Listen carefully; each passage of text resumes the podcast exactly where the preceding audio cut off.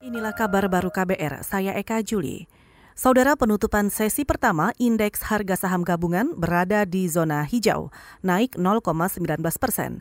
Selengkapnya disampaikan jurnalis KBR Astri Septiani dari Gedung Bursa Efek Indonesia, Jakarta. Dapat saya sampaikan pada penutupan sesi pertama atau istirahat siang, indeks harga saham gabungan atau IHSG di Bursa Efek Indonesia pada hari ini, Rabu 18 Desember 2019, terpantau berada di zona hijau, yaitu di level 6.256,344 poin atau naik 0,19 persen. Sebelumnya, IHSG dibuka di zona merah, melemah 0,02 persen atau 1,03 poin ke level 6.243,3 319.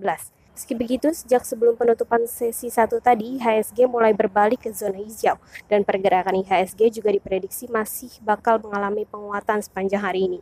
Sementara itu, saudara, nilai tukar rupiah melemah 9 poin atau 0,06 persen ke level 14.006 rupiah per dolar Amerika Serikat setelah pada pagi tadi dibuka terdepresiasi tipis 3 poin atau 0,02 persen di level 14.000 rupiah per dolar Amerika Serikat. Sejak pembukaan hingga siang ini, rupiah terpantau cenderung melemah tipis. Meski begitu, rupiah diprediksi masih berpeluang menguat tipis pada perdagangan hari ini.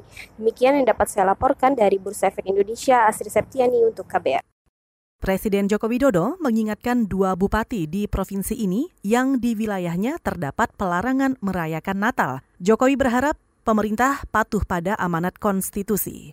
Kejadian pelarangan Natal tersebut dilakukan tokoh adat dari Kabupaten Darmas Raya dan Kabupaten Sijunjung, Sumatera Barat. Negara ini konstitusi kita menjamin. Sudah jelas tugas itu di konstitusi kita jadi enggak perlu saja kalau konstitusi kita sudah menjamin kita untuk memeluk agama dan menjalankan menurut kepercayaan masing-masing itu sudah dijamin konstitusi. Itu tadi Presiden Joko Widodo. Sementara itu, Pusat Studi Antar Komunitas atau Pusaka Padang melaporkan pelarangan perayaan Natal 2019 juga dilakukan anggota polisi di Kabupaten Sijunjung. Jemaat yang ingin merayakan Natal diwajibkan mengirim surat izin kepada pemerintah daerah.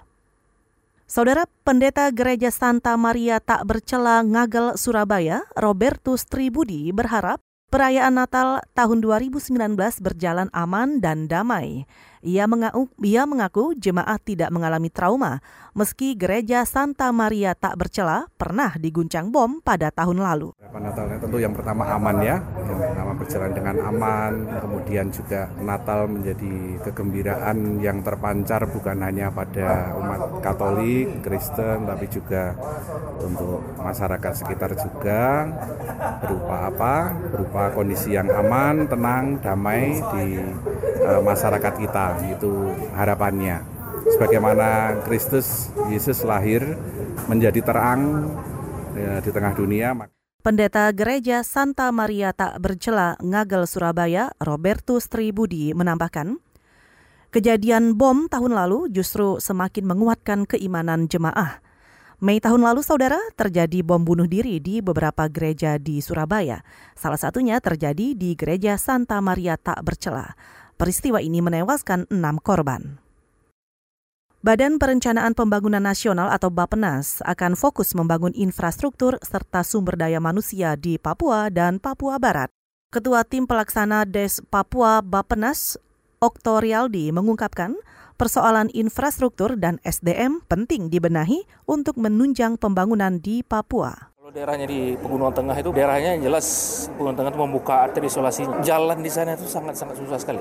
Bandara, kita kan mau membangun jembatan udara untuk pertama ya. Jalan itu membutuhkan waktu. Kita kemarin ya, kita kemarin ada bangunan di wilayah adat. Itu langsung kita bicara dengan bupatinya.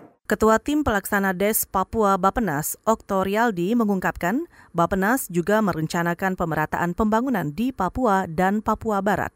Okto mengklaim pemerintah selalu melibatkan pemerintah daerah, tokoh adat, dan masyarakat di Papua. Saudara demikian kabar baru, saya Eka Juli.